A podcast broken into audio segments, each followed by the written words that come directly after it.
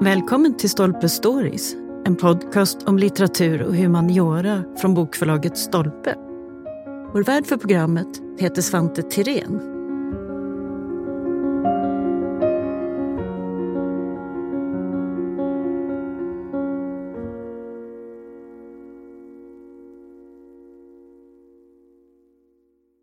Relationen mellan Kina och Europa har alltid präglats av både nyfikenhet och beundran men också ett rejält mått exotifierande. Även i Sverige har många olika bilder av Kina målats upp. Ibland som ett fjärran harmoniskt paradis och ibland som ett grymt och barbariskt kejsarvälde. Väldigt lite, om ens någonting, byggde på verkliga upplevelser och därför så fick både fantasi och fördomar fritt spelrum. I boken Sampanerna från Kanton får vi se den samling med kinesiska målningar som ägdes av skeppsbyggaren Fredrik Henrik av Chapman i slutet av 1700-talet. I boken finns även texter där man kan läsa om hur uppfattningen av Kina ständigt har förändrats och diskuterats. En av författarna är Magnus Olausson som skrivit om de första kineserna som besökte Sverige. Vi ska nu få höra om hur det gick till och hur bilder av Kina påverkar oss än idag. Ja, varmt välkommen hit Magnus! Tack! Du har ju forskat mycket om 1700-talet och där har ju Kina en särskild ställning. Hur kommer det sig att till och med Sverige påverkas så mycket av Kina på 1700-talet? Ja, det beror ju på att det finns ett eh, svenskt Ostindieskompani 1735 kom det ju till och eh, vi var ju inte på något sätt någon av de för, hörde ju inte någon av de första nationerna som skapade ett Ostindiskt kompani. Holländarna var ju tidigt ute, tidigt 1600-tal. Så vi ligger ganska sent där. Men vi var, man var mycket framgångsrik i alla fall när man, när man satte igång den här verksamheten.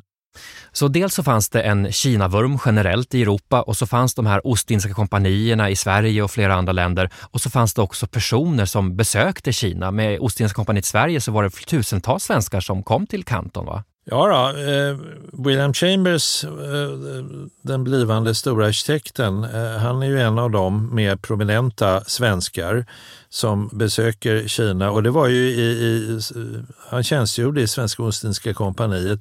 Och eh, de intrycken han eh, gjorde i Kina de låg ju till grund sen för hans berömda bokverk, planschverk om kinesisk arkitektur och konsthantverk som kom ut på 1750-talet och som så att säga, var grunden eller ins, en, en, en viktig inspirationskälla för Kinavurmen och kineserierna under, i, i det internationella 1700-talet. Så inte bara i Sverige utan i England och i Frankrike och så vidare. Men sen har vi ju en rad andra svenskar naturligtvis som far till Kina. Flera, flera skeppspräster naturligtvis ombord. En och annan kapten som har blivit mer berömd som Carl Gustaf Ekeberg till exempel som ju tog hem teplanta till eh, Linné utan någon större framgång tror jag. Och eh, en del eh, handelsmän, Johan Abraham Grill till exempel, som bodde i Kanton under många år och eh, som sen när han kom hem anlade han en, en eh, engelsk park. Så att han, han tog med sig eh, då, eh, intryck från Kina och de ville han gärna omsätta i sin eh, park på Godegård i Östergötland som ju var, egentligen det är en bruksort. Så det är fjärran Kina det här, verkligen. Så det letar sig ända in i bruksorter, ja, Kina-intresset? Ja, det, det, är ju, det är ju fantastiskt. Och eh, sen har vi naturligtvis exempel på då personer som reser i, i den andra riktningen och det är ju denna Afok Eh, då, den första kinesen som vi vet, eh, som kommer till Sverige 1786. Ja, vi återkommer till Afok alldeles eh, strax. Men om man inte hade anknytning nu då till Ostindieskompaniet, hur mycket visste den, den genomsnittliga 1700-talssvensken om, om Kina? Det var nog väldigt diffust. Eh, det är nog som du, du antydde här, en, en idyllisk bild. Eh, det, det som lite har att göra med rokokons framställningar av, av kineser som sitter och metar eller, eh, eller gullar med barn eller kanske ägnar sig åt jordbruk eller någonting sånt där. Eh, en idealbild hade man av, av, av Kina och där kejsaren sågs som den gode fadern åt alla och där eh, jordbruket var så att säga den basen, den ekonomiska basen. Och det var ju det som fysiokratismen drev hårt just föreställningen om Kina som ett mönstersamhälle eh, med eh, jordbruket i centrum. Och eh, det blir ju också inspirerade ju nyttotänkandet i Sverige under frihetstiden. fysiokratismen. Det var ju ett sargat land, Sverige, efter Karl XIIs krig och allt var liksom inriktat på det här med nyttan. Och då tjänade Kina lustigt nog som ett, en, en, en, en förebild men det var, låg ju fjärran bort naturligtvis. Det, det var den, den så säga, idealiserade bilden av Kina. Så när Europa är politisk spänning, det är fattigdom, det är många saker, då passar det bra att ha ett Kina som man kan drömma lite om? Ja, eh, eh, som man tyckte var ett harmoniskt samhälle mellan överheten och eh, undersåtarna då. Och jordbruket i fokus. Men den här andra bilden då, av Kina som det här barbariska, grymma kejsarväldet, vilken av dem var, var det som dominerade? Ja, det var nog snarare lyckoriket. Jag tror det här, det här barbariet, det var nog ingenting som så att säga, präglade bilden under 1700-talet i alla fall. Det kommer nog in mer under 1800-talet och med de konvulsionerna så att säga, med opiumkriget och, och, och så. Boxerupproret senare. Eh, så att eh, den opolitliga och grymme kinesen hör nog 1800-talet till. Utan 1700-talet är fortfarande infärgat av av en rosenröd idyll. Den mer romantiska. Ja, absolut. Men med Ostindskompaniet så kommer ju då porslin och te och kryddor och annat va, in i den svenska vardagen. Eller hur vanligt var det med kinesiska produkter i, i svenska hem? Ja, man har ju vid utgrävningar i Stockholm under 40-50-talen hittar man ju väldigt mycket i sophögar porslinskross av kinesiskt porslin. Så det visar ju det att det var ju en, en förhållandevis billigt att eh, köpa eh, eh, i motsats till den europeiska produktionen som betingade helt andra priser. Så det här att man har hittat i, i avskrädeshögar eh, mängder med, med porslinskross av, av kinesiskt porslin, det, det visar ju att det här var nästan vardagsvara. Och det var inte bara ett elitfenomen utan det spred sig i, i, i större samhällslager? Ja, det importerades enorma mängder med, med, med porslin, miljontals pjäser. Och eh, det kan man förstå när, när man eh, bärgade en del av lasten till eh, Ostindien från Göteborg som förliste om det var 1745 i Göteborgs hamninlopp. Alltså de miljontals fragment som man har fiskat upp som fyller den ena lådan efter den andra visar ju på den, bara en skeppslast, vilka mängder med porslin som det innehöll. Där lyckades man ju uppenbarligen rädda en hel del av lasten och te som var ju en, en viktig del av det.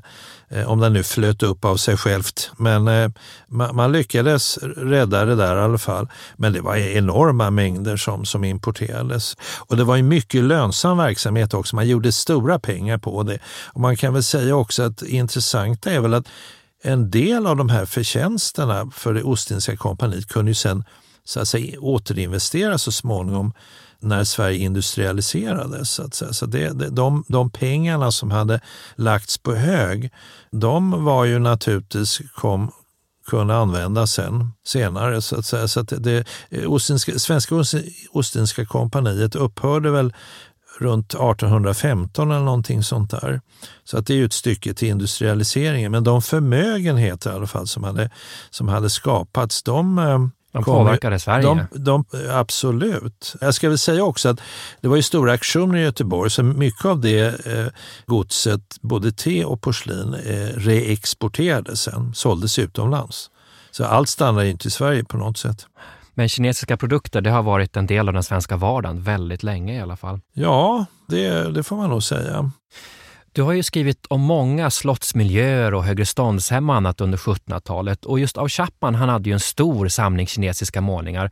Hur vanligt eller ovanligt var det att ha kinesiska konstföremål och inte bara te och porslin?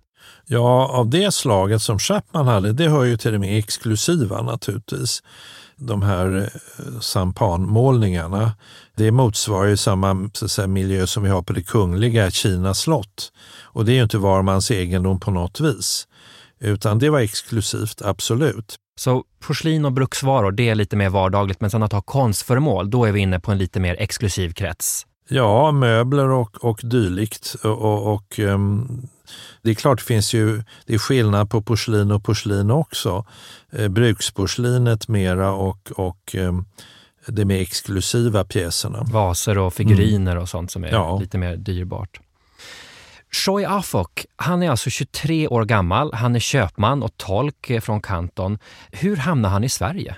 Ja, det var genom Olof Lindahl som var superkargör i Ostindiska kompaniet som skulle avsluta sin verksamhet i Kina och då passade han på att locka med Afok till Sverige eh, och det heter då att han kom av egen nyfikenhet hit. Och det väckte en stor sensation. Prinsessan Sofia Albertina beskriver det ju som en årets händelse verkligen. Ja, det var en stor sak helt enkelt. Och det är väl den första kinesiska personen som man vet har besökt Sverige? Ja, han är den första dokumenterade kinesen som kommer till Sverige. Det finns ju motsvarande exempel i, i Danmark, det danska Ostindiska kompaniet, eller i England. Men i Sverige är han nog number one. Den här bilden av Kina som det här slutna landet, alltså europeer fick ju bara röra sig precis i kanton och inte resten av, av övriga Kina. Mm. Är det också en spegling det här med att många svenskar reser dit men så få andra hållet? Ja, alltså eh, eh Kina var ju ett slutet land och det var det ju fram till kanonbåtsdiplomatin satte in västmakterna så att säga, tvingade Kina egentligen öppna sig. Ungefär som man gjorde i, i, i Japan. Och det är ju först under 1800-talet och med eh, den här mytiska kejsarinnan Xi, Qi eller vad hon nu heter, som ju gör väldigt mycket för att öppna Kina. Men dessförinnan är ju Kina ett slutet land och det finns en berömd historia om, om kejsaren Qianlong som regerade en stor del av 1700-talet, dog 1795 som fick en, en, en gåva av, av Georg III, den engelske kungen, av vetenskapliga instrument och som skakade på axlarna och tyckte det där hade han väl inget större intresse av. Så att um, det omvända så att säga, intresset var väldigt ovanligt skulle jag nog säga. Att kineserna var skeptiska, de såg ju sig som mittens rike att det var ju dit man fick komma, inte omvänt att mittens rike kom till Sverige. Så att på det viset är ju Afox resa unik på, på många vis. Nu var han ju inte en, en väldigt prominent person. Han var ju tolk i Handelsfaktoriet och hade lärt sig svenska i Kina också som sagt. Men Just det, på plats. Han hade lite svenska han pratade helt enkelt när han kom Ja, hit. vi vet lite hur hans svenska, hur den tog sig ut. För att eh, när han besökte hovet och det här är en berättelse som är återgiven av Sofia Albertina i ett brev till en, en av hennes väninnor. Prinsessan Sofia Albertina, syster Prinsessan till eh, Sofia Albertina, ja. Och där återger hon en, en, en konversation mellan Gustav III och Afok och kungen frågar Afok vad han tycker om det här med att se så få människor på gatorna i Stockholm till exempel. Och då svarade Afok på då sin väldigt stenografiska eh, svenska, lakoniska lite folke med gotte folke. Och det hade, det, det hade dessutom prinsessan stavat fonetiskt med å. Så att eh, man förstår att det var ganska en enstavig svenska han talade. Eh, detta var då konversation med Gustav III. Och eh, kungen gav honom ingenting. De övriga i, kungahuset gav honom souvenirer.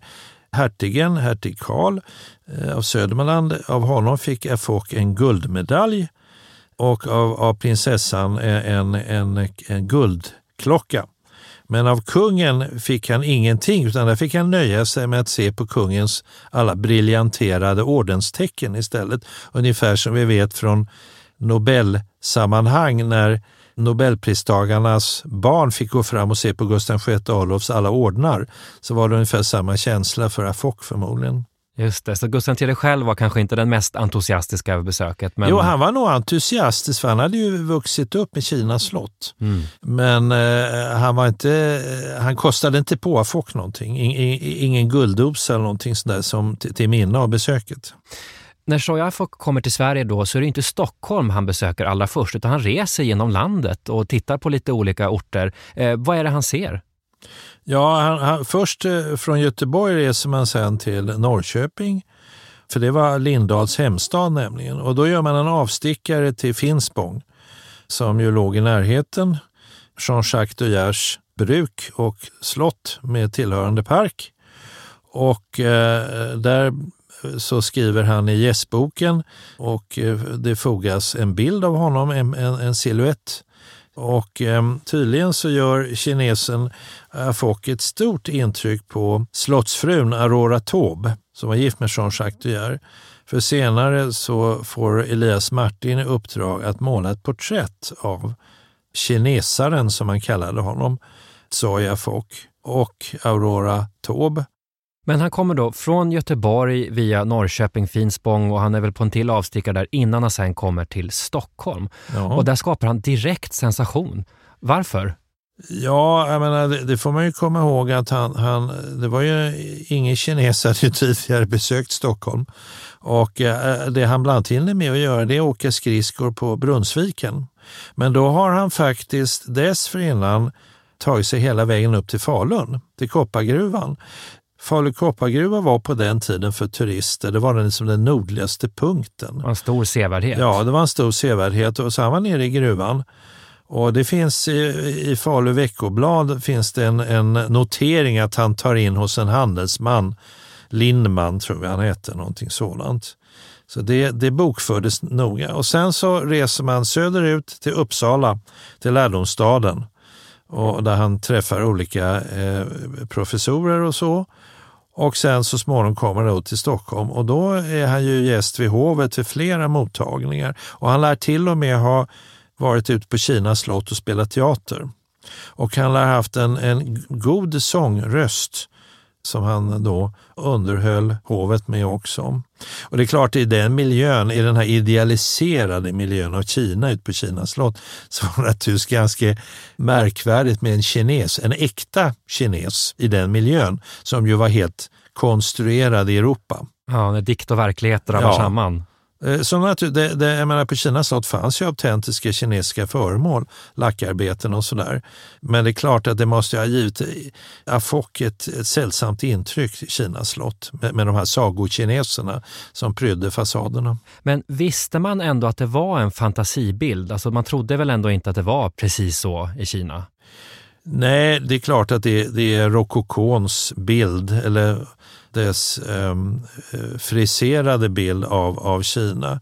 Och man hade ju ganska vaga som begrepp om hur det faktiskt såg ut.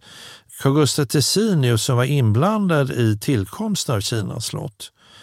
Eh, det finns en teckning han har gjort av hur en kinesisk trädgård ser ut. Och Den bygger på vad han hade läst sig till. Men det, det såg ut som en europeisk eh, formträdgård ungefär. Så att det, det var liksom väldigt vaga begrepp. Till och med en sån upplyst person som Tessin hade liksom inte riktigt klart för sig kanske hur det faktiskt såg ut. Den trädgård man anlade sen vid Kina, det var ju också någon slags försök att efterlikna det kinesiska. Men i själva verket så hade det mer att göra med en, en, ett eremitage, med, med en europeisk trädgård. En sluten trädgård så att säga. Och inte några kinesiska former egentligen. Man fick uppfinna lite eftersom helt enkelt när man skulle skapa det där? Ja, det var, det var en, en, en lek, en, en fantasiprodukt. Vet vi någonting om vad Choi Afok själv tyckte? Men vi har ju det här fantastiska citatet, men vet vi någonting om vad han tyckte om Sverige? Nej, det finns ju ingen dagbok i motsats till kineser som besökte Sverige senare. Så det, det, om detta vet vi tyvärr ingenting. Vi vet inte när han dog heller. Så att eh, eh han försvinner ut i, i, i glömskans vrå, i, i mörkret men har ändå lämnat ett, ett väldigt starkt minne. Ett av minnena som finns kvar det är ju en målning av Elias Martin som är ganska berömd. Vad föreställer den? Ja, den visar ju eh, Choya Fock eh, när han besöker eh, Aurora Taubes boudoir på Finspång. Och eh, det var eh, Olof Lindahl som var, hade beställt den här Elias Martin. Och eh, där sitter han och tronar Afok i boudoiren och bakom honom en kvinna som håller i hans hårpiska. Och det är ju naturligtvis Aurora Taube som ju var känd för sin promiskuitet. Bland annat så hade hon låtit alla sina älskare i tur och ordning rita olika byggnader i parken. Och eh, man kan säga att den här målningen var väl inte ägnad att förgylla hennes rykte, utan eh, det, det motsvarar väl så att säga vad, vad många tyckte om henne. Vad man tyckte om henne egentligen. Ja. Och i, på målningen så ser man i bakgrunden här som lyfter liksom ett draperi och det är väl förmodligen Lindahl, Olof Lindahl som tittar in i boudoiren och ser vad som händer där inne. Den här graverades också av Johan Fredrik Martin och då finns det olika versioner. Eh, på en av dem har, har, har Martin har han plockat bort den här mannen som tittar in så att säga för att den ska se lite mer anständig ut. Så den fanns i en, en städad version och en lite mer... En ostädad Ja. också. I den här boken då, Sampanerna från Kanton, där får man ju se hur otroligt många olika kontakter och bilder och åsikter det har funnits om Kina och det fortsätter ju fortfarande. Förstår vi idag, tror du, hur viktigt Kina har varit för oss så långt tillbaka i historien? Nej, det är nog en, det är en historia som ju inte är helt genomforskad. Jag menar, innan jag började gräva i det här med Fox så fanns det ju bara fragment så att säga. Det, det fanns spår av honom naturligtvis, men eh, eh de här, ska vi säga, skriftliga eh, stöden, det hade man inte hittat. Man hade hittat alla de här breven som beskrev så att säga, hur, hur hans besök och så. Så att det är ett område som fortfarande kan, där man kan säkert utvinna mycket mer. Det finns mer att lära här. Absolut, absolut. Om vi hoppar framåt i tiden då, för Shoyafok han besöker alltså Sverige 1786. Men 1866 då kommer en ny delegation från Kina hit till Sverige. Den första diplomatiska kåren va, som besöker Sverige från Kina. Ja, det var ju ett resultat av att eh, Kina hade tvingats att öppna sig och det var ju en handling för att eh, man skulle så att säga kunna bättre förhålla sig till västerlandet som ju hade då franska och engelska trupper som hade plundrat sommarpalatset utanför Peking till exempel 1860. En slags våldtäkt egentligen på, på, på landet. Och det var, den här omorienteringen mot väst, det var ju eh, kejsarinnan Xixi som, eh, får ursäkta mitt uttal eh, om det är helt korrekt, och hennes eh, försteminister som drev den här, den här omorienteringen. Och eh, då skickade man ut en, en, en första diplomatiska missionen till Europa. Just det, så när Shoyafok kommer, det är lite mer av en slump så att säga, medan här finns det ett konkret eh, politiskt behov av att etablera kontakt. Ja, alltså Afok var ju en, en privatperson som reste av nyfikenhet till, till Europa medan eh, den här kinesiska missionen, det var en ren diplomatisk resa 1866. Och han som leder den här eh, diplomatiska delegationen då 1866, han heter Bin Chun. Vem var han?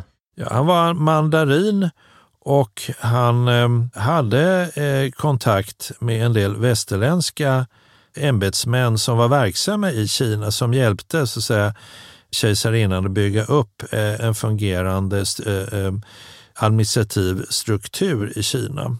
Jag undrar om inte han jobbade i tullväsendet, om jag nu inte minns fel.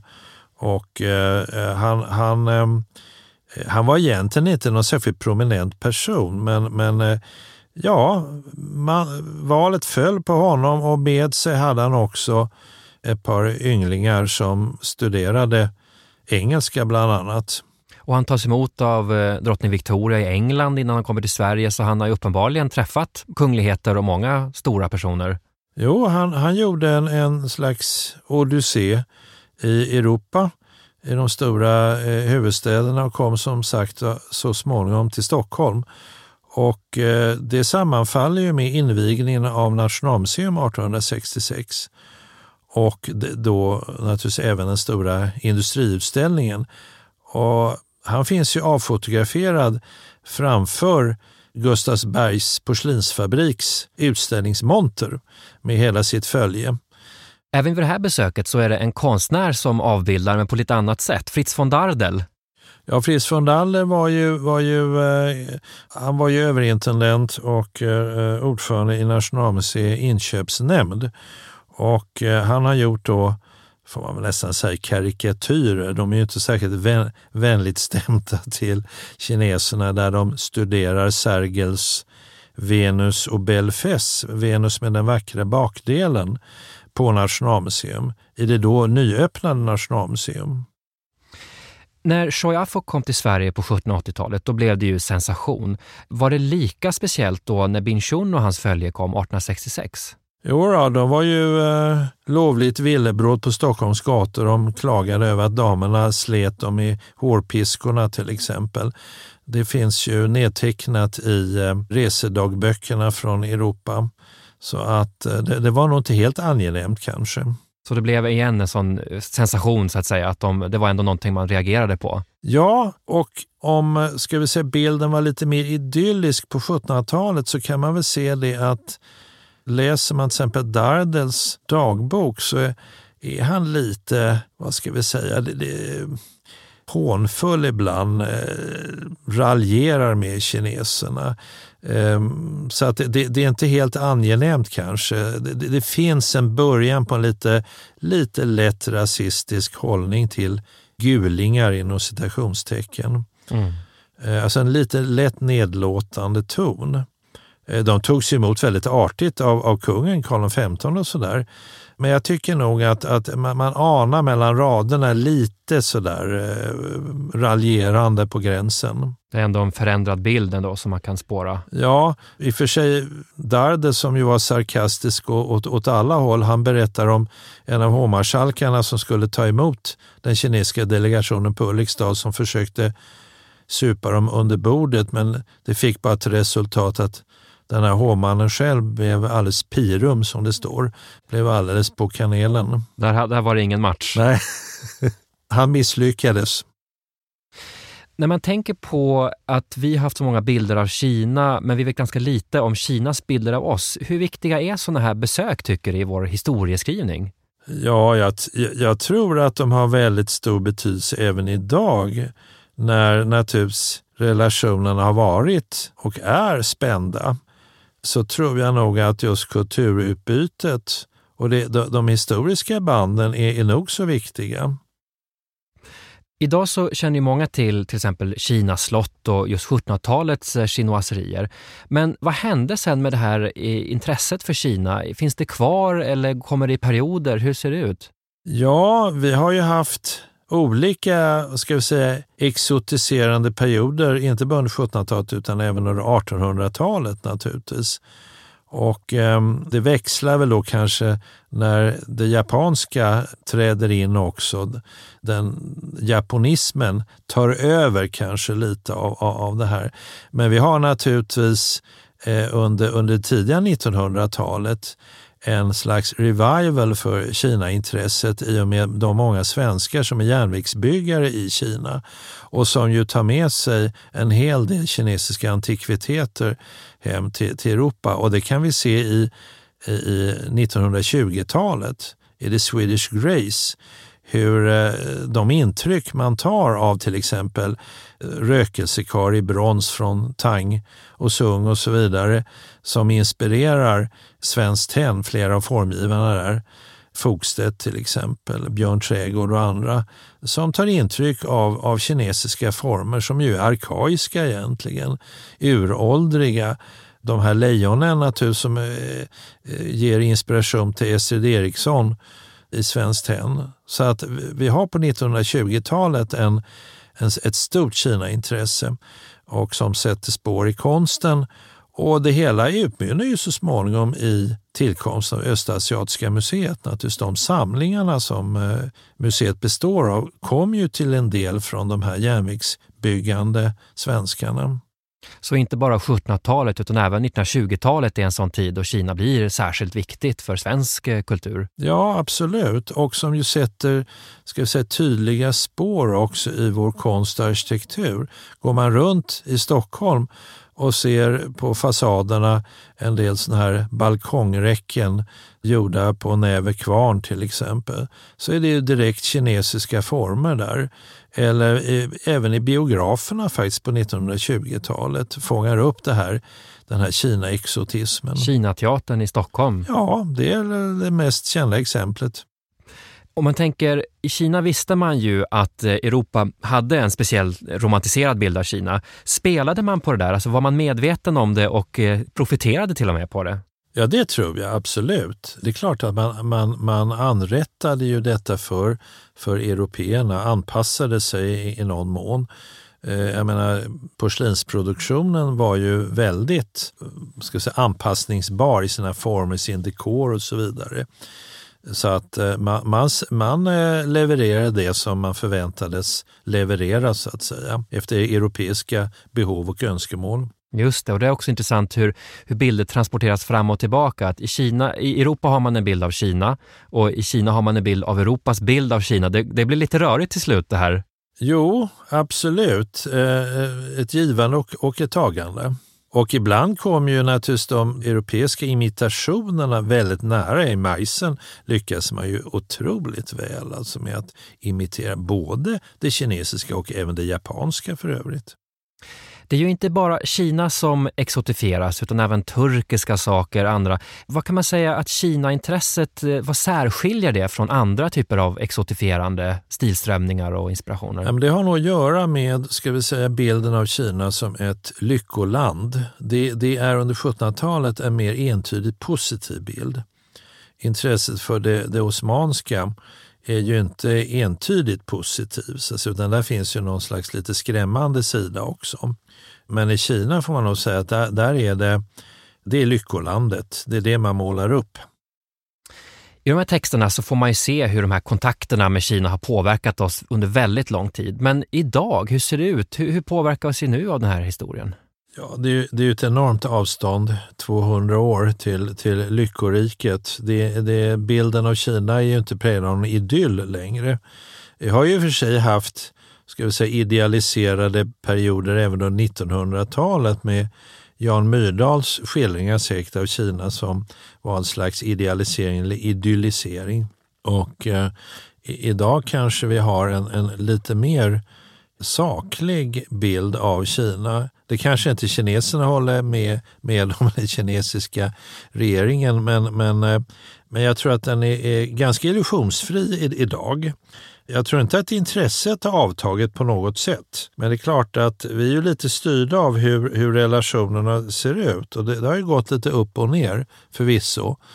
Det som ju kan vara en tillgång idag när det kärvar, det är naturligtvis de historiska banden och eh, den långa relation vi har. Så att det är, det är både pluskonto och minuskonto naturligtvis. Men jag tror, tycker inte man ska glömma bort de positiva sidorna också bara för att vi, vi så att säga har en illusionsfri bild av, av Kina av idag och, och Kinas stormaktsambitioner. Det finns ju det här uttrycket allt förtal är självporträtt. Skulle man kunna säga att eh, bilder av Kina, både de positiva och negativa, att de egentligen berättar mer om, om Europa än vad de gör om Kina?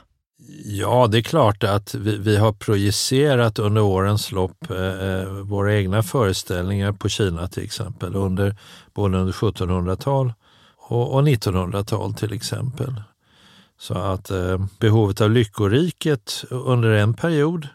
Idag ser det ju naturligtvis lite annorlunda ut, men, men eh, visst, så är det nog. Vad hoppas du att man ska forska vidare om när det kommer till de här spännande tidiga kontakterna? Ja, jag tror att vi bara i början där egentligen eh, har lyft på några stenar, men det finns säkert mycket mer att göra. Och inte minst tror jag att eh, forska i vad kineserna har eh, haft för några föreställningar om, om Europa och eh, i bästa fall om Sverige kanske. Choi Afok vet vi egentligen inte vad han tyckte om Sverige. Han skrev ingen dagbok sa du.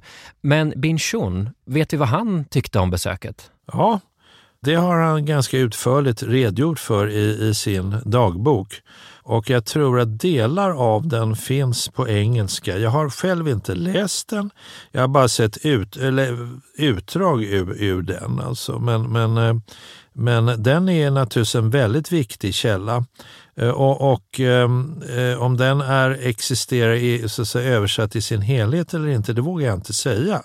Men jag är säker på att det finns flera sådana här kinesiska källor till de här resorna till Europa och, och vad de, så att säga, bilden av européerna och Europa.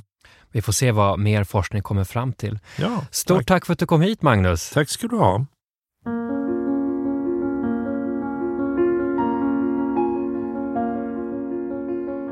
Tack för att du har lyssnat på Stolpe Stories. Missa inte att du som lyssnar har 20% rabatt på bokförlaget Stolpes titlar hos Bokus.com.